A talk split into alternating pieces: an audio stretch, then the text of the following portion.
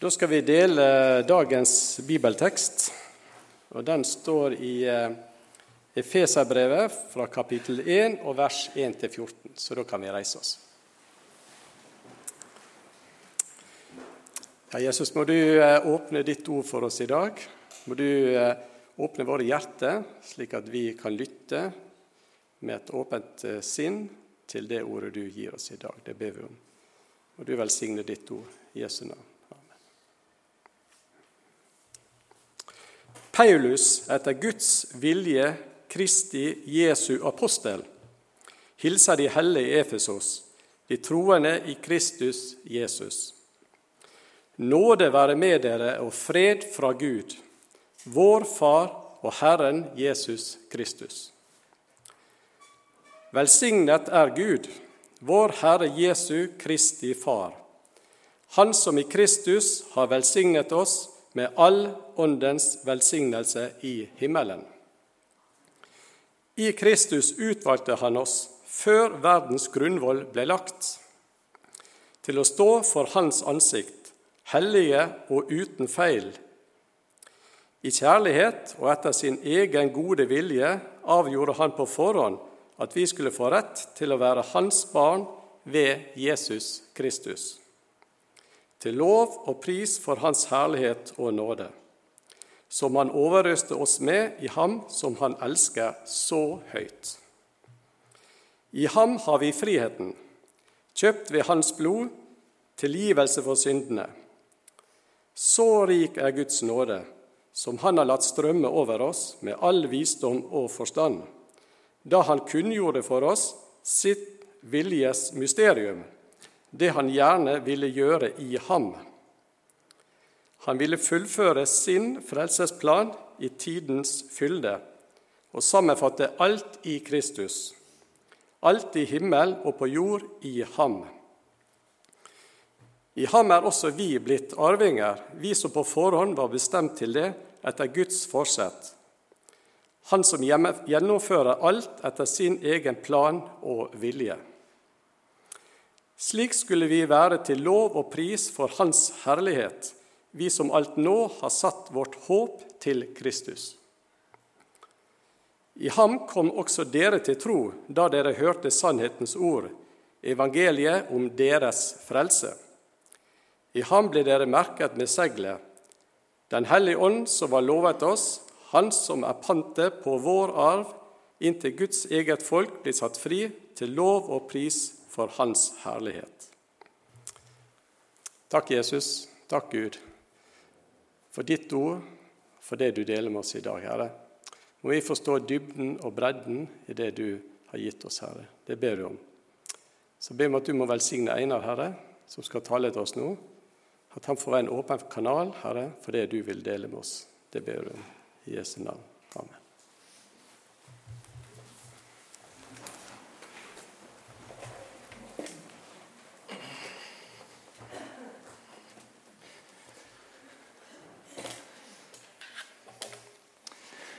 Veldig kjekt å se hver enkelt av dere og være her sammen med dere. Og kjekt med de som måtte være nede i underetasjen og delta gjennom gudstjenesten på den måten. Vi skal bare få koble til det her tekniske systemet.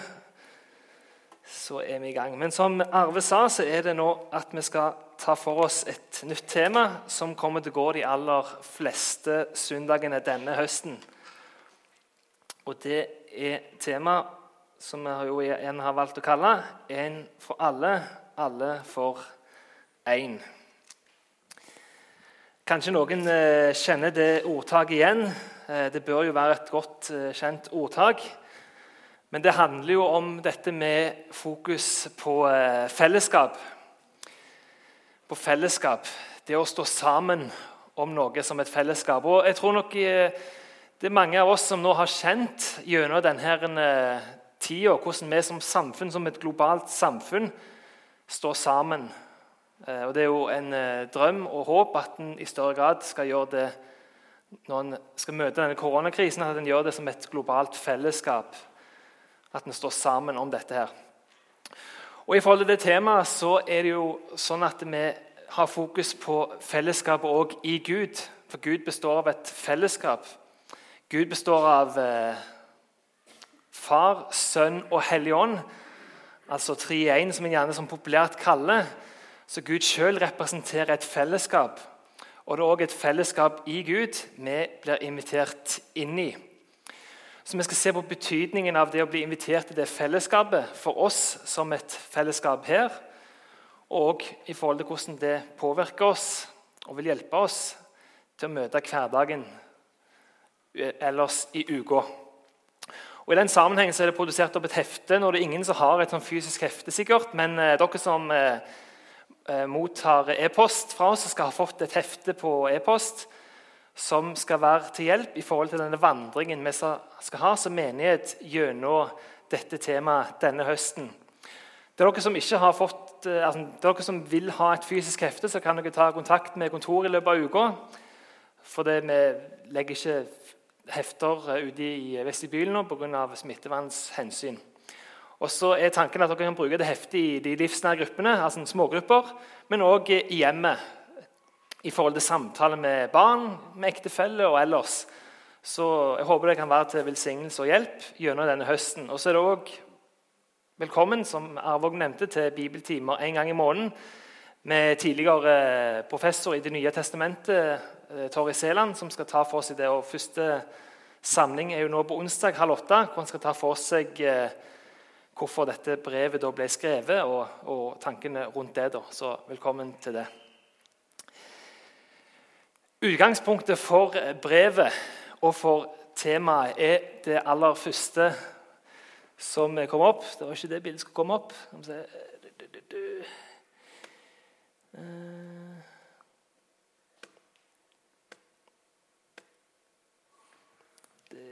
funker jo ikke. Det funker én søndag, så funker det ikke neste søndag.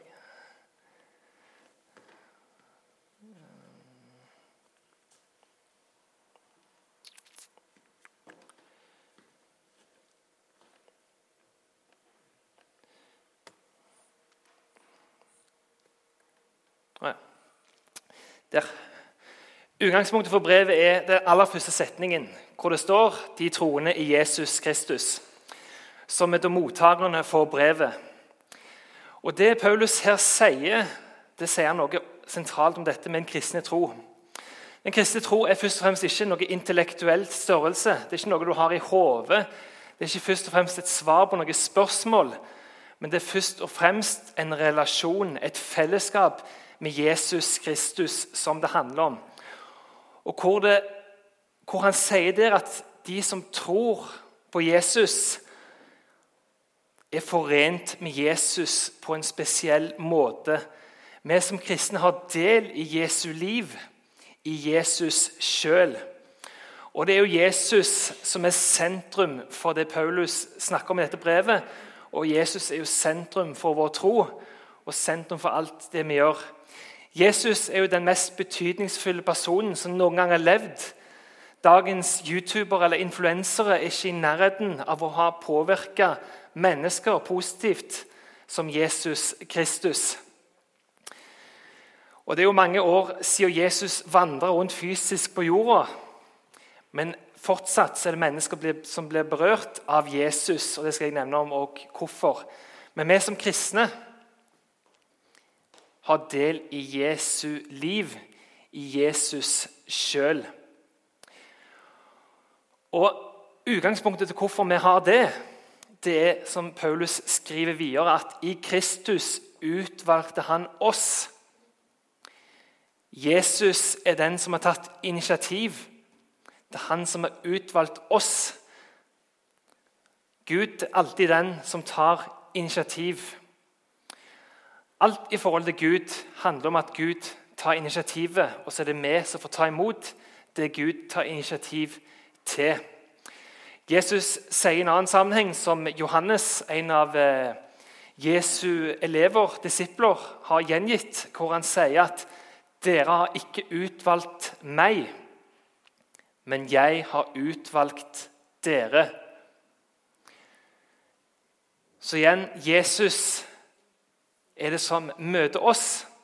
Og Det gjør han ikke pga. at vi er de flinkeste eller de beste eller har gjort noe spesielt. Altså, hvis du for skal få et kongens fortjenestemedalje, så må du ha utretta noe for å kunne få den medaljen.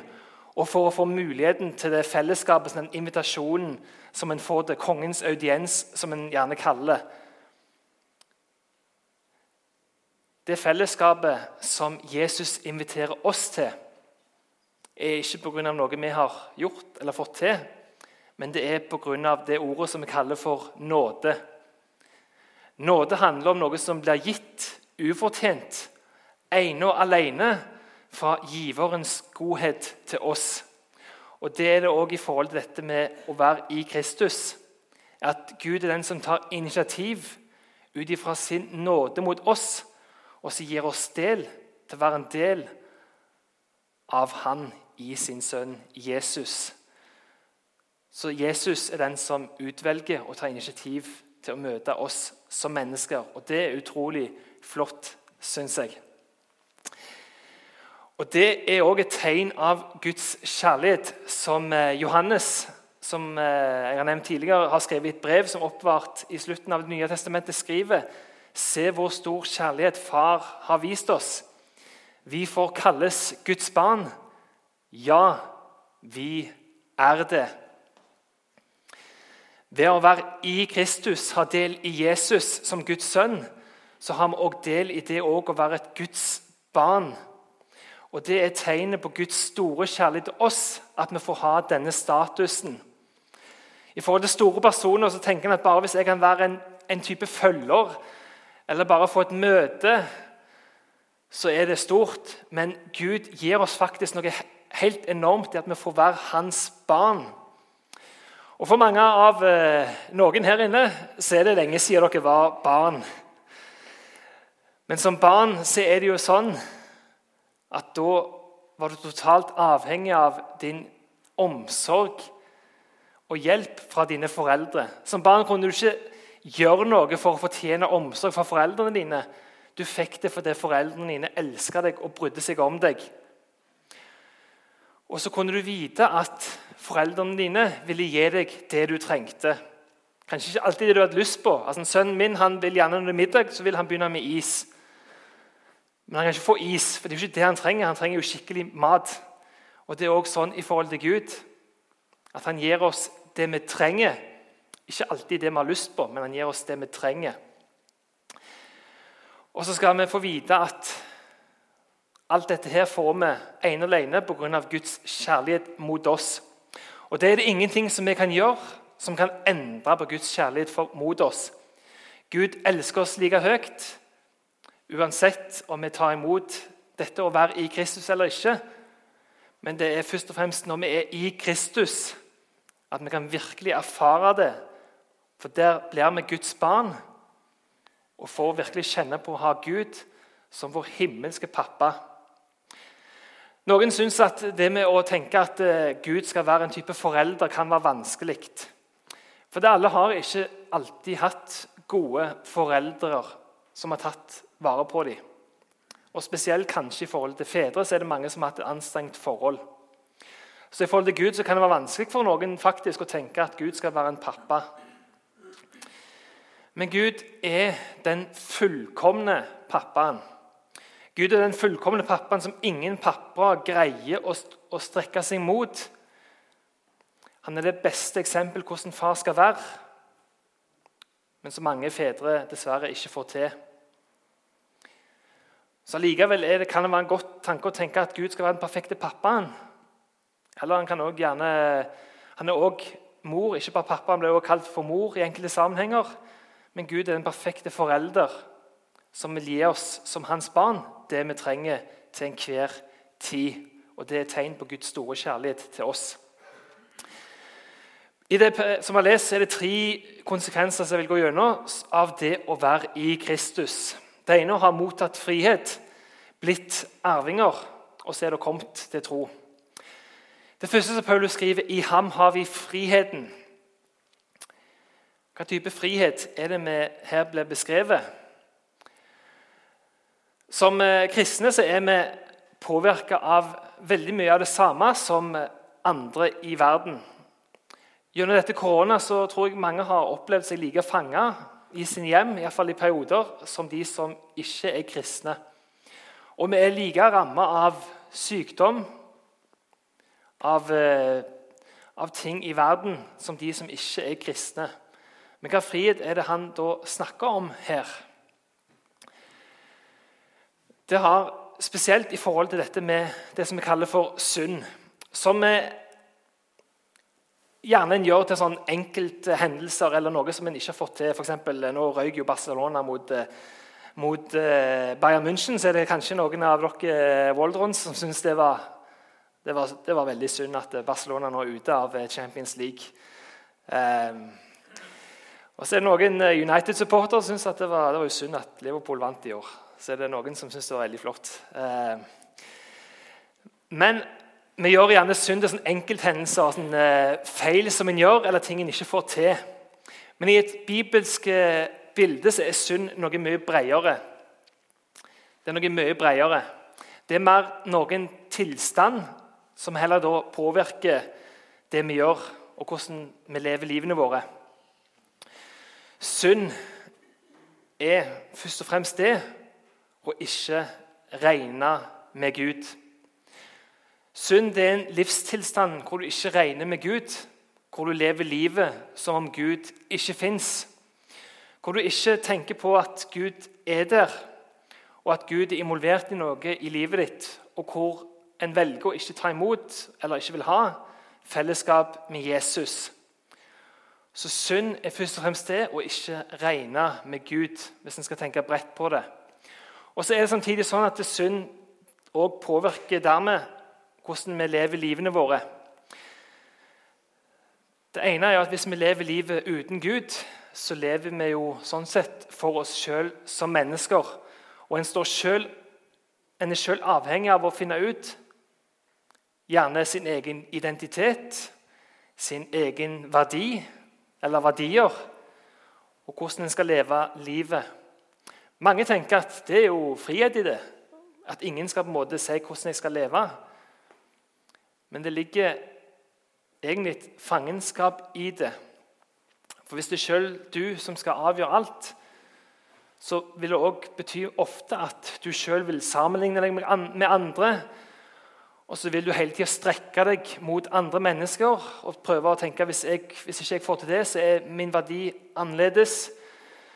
Du vil gjerne, Når du opplever å gjøre ting som er feil, så kan det hende at det er noe som du dveler med, noe som du blir fanga i. Den feilen som du har gjort. Du greier liksom ikke å komme videre, du greier ikke å sette strek over det.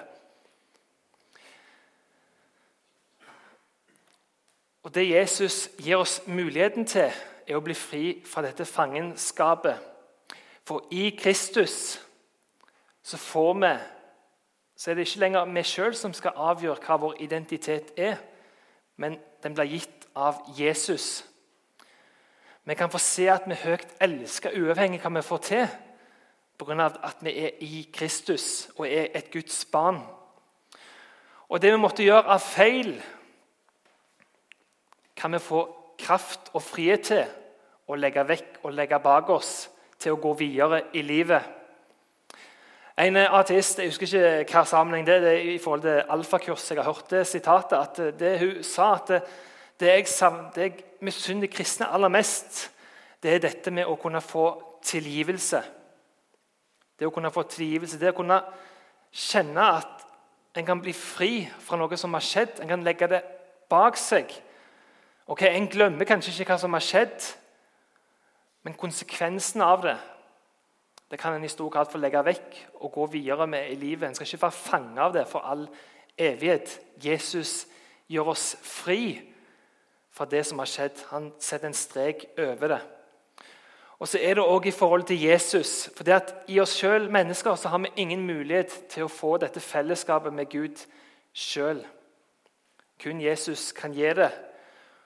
Så Uten Jesus er vi fanga av denne syndens påvirkning og betydning. Vi greier ikke anerkjenne Gud, vi greier ikke se Gud eller ta imot.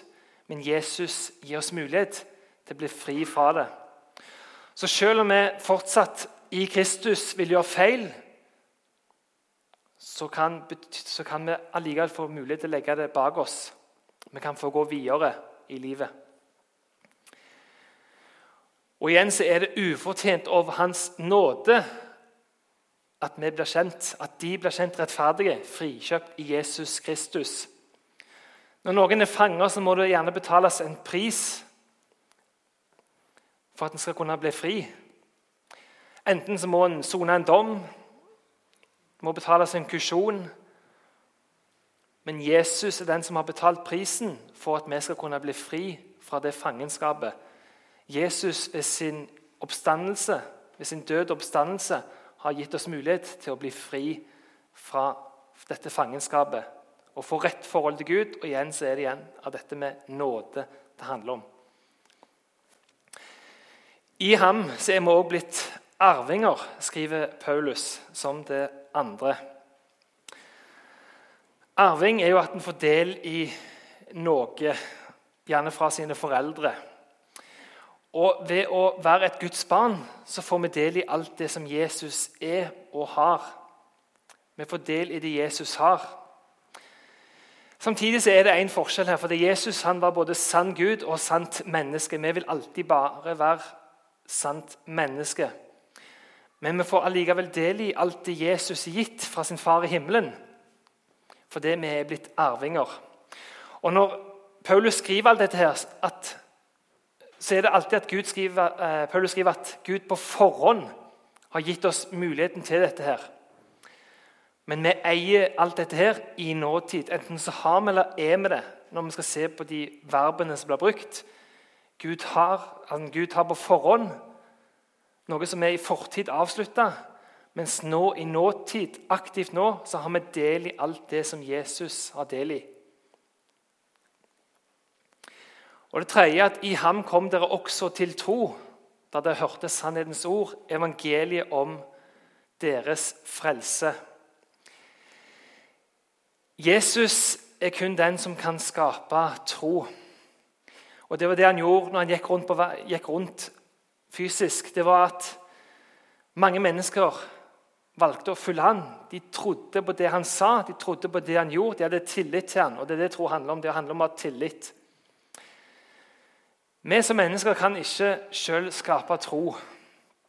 Kun Jesus kan gjøre det. Men Jesus kan allikevel bruke oss til dette her. Til å gjøre Jesus synlig. Paulus skriver av viktigheten av å gjøre Jesus synlig i et brev til romerne. hvor Han skrev at så kommer det troen av det budskapet en hører, og budskapet kommer av Kristi ord. Jesus er den som skaper tro, som gjør mennesker til troende. Og For å ha en bekreftelse på at du har del i dette her og gjør Jesus synlig Man kan gjerne tenke det er bare noe som enkelte personer har, eller enkelte yrker har som oppgave. det å gjøre Jesus synlig. Altså, I forhold til min jobb så er ikke det aktuelt. I forhold til det jeg driver med, Jeg kan jo ikke gjøre Jesus synlig der. Men det gjelder faktisk alle som er døpt.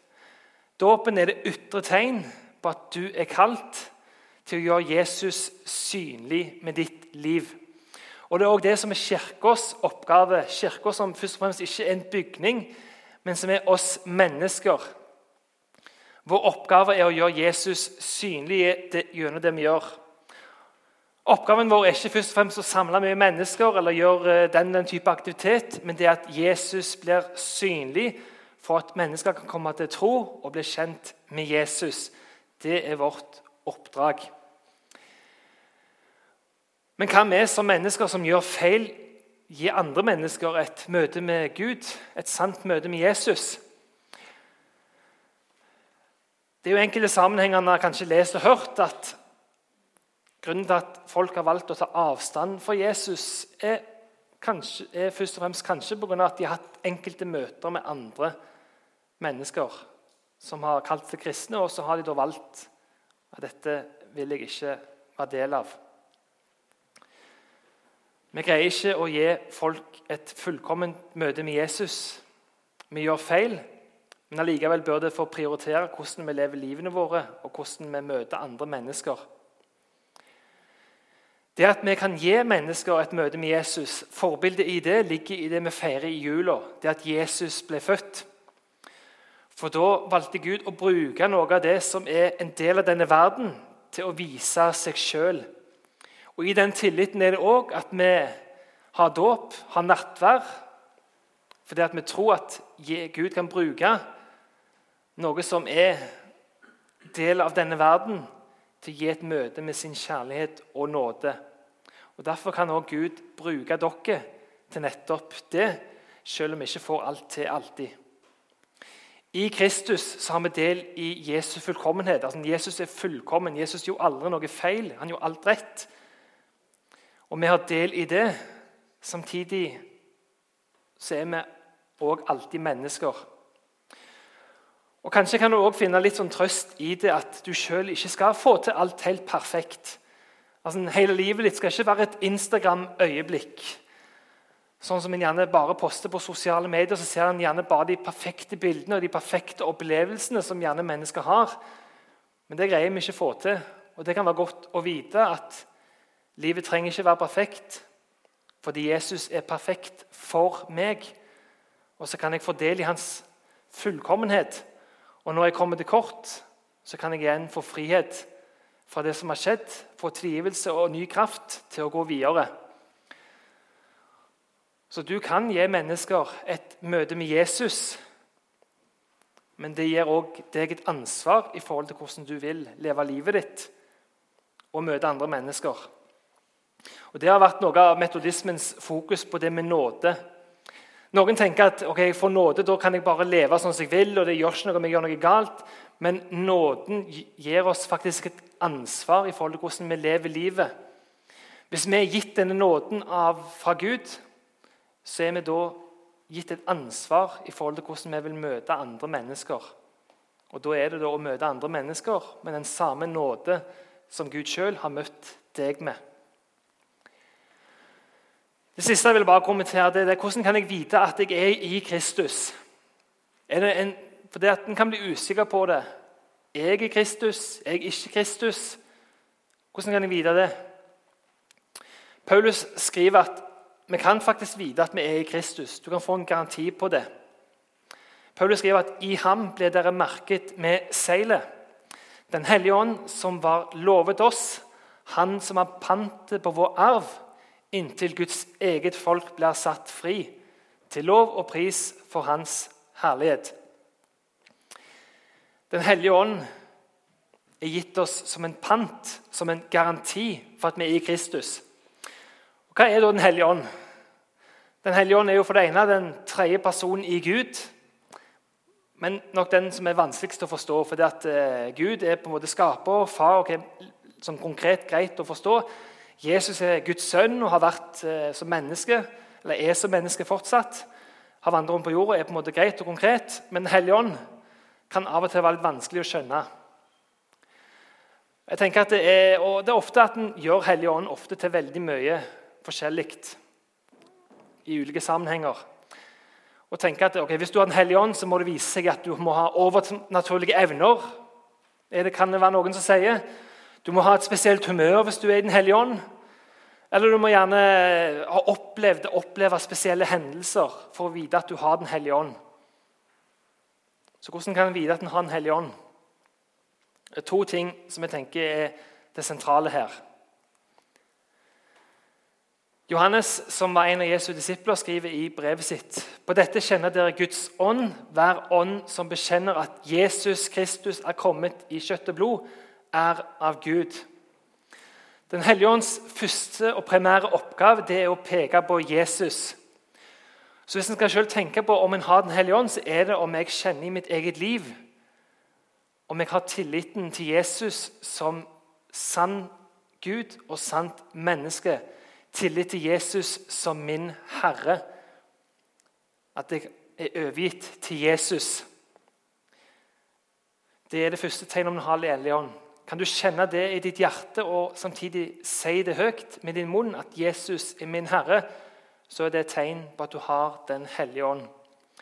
Så er det sånn at du, Det ikke betyr at du ikke kommer til å ha tvil i livet og ting du er usikker på.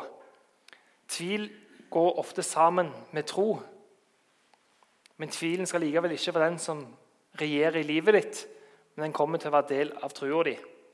Men det første for å ha Den hellige ånd, det er at du har å kjenne at du tror på Jesus som den han sa han er. Det andre er i forhold til dette med kjærlighet.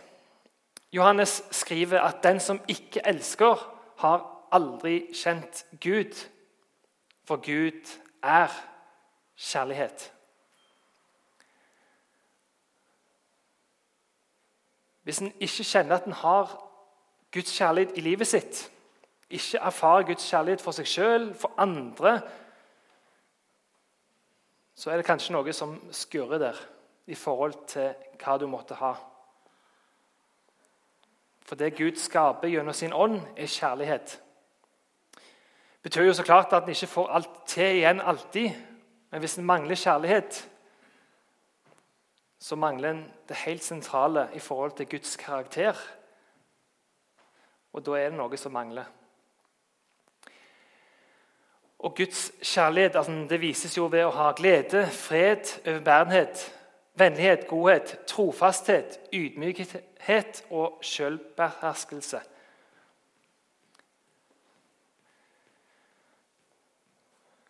Hvis du sjøl kjenner deg usikker, så er den gode nyheten at Guds nåde, at alt det Gud har og vil gi, er tilgjengelig nå. Gud vil gi deg det du trenger, fellesskap med seg sjøl, identiteten i Kristus nå. Så jeg vil gjerne oppfordre deg, Hvis du kjenner at du trenger noen å snakke med eller be med, så kan du under lovsangen eller etter gudstjenesten snakke med en av våre forbedere inne i bønnerommet. Og så kan du òg, du som Og så kan du òg søke Gud der han gir deg mulighet til å søke. I kirka, i Bibelen, i bønn. Og så vil Gud ta imot deg. Gud vil aldri avvise et menneske som søker fellesskap med ham. Gud tar alltid imot. Hos Gud er det aldri en stengt dør. Så vil jeg benytte anledningen til å la dere som allerede kjenner at jeg er i Kristus, la få kjenne på bekreftelsen av det ved at vi sammen skal nå bekjenne troa vår ved å benytte den apostoliske trosbekjennelsen som har vært en type dåpsbekjennelse. Og så til dere som måtte være usikre, hvis det er noen, så kan dere la det være det første skritt på å si ja, at jeg vil ha del i Kristus. Jeg vil ha del i det Jesus vil tilby av sitt liv. Så La oss reise oss, og så skal vi si trosbekjennelsen i sammen.